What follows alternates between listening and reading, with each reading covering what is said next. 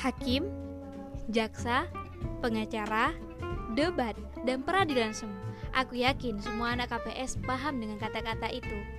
Kali ini di Potluck KPS aku akan mengobrol sama seseorang tentang pengalaman mereka yang terdahulu di KPS, tentang pengalaman terbaik, terburuk, terjelek, bahkan yang tak terlupakan sekalipun. Potluck KPS akan membawa kamu bernostalgia, mengenal sejarah lewat suara, menggali semangat dari para tetua.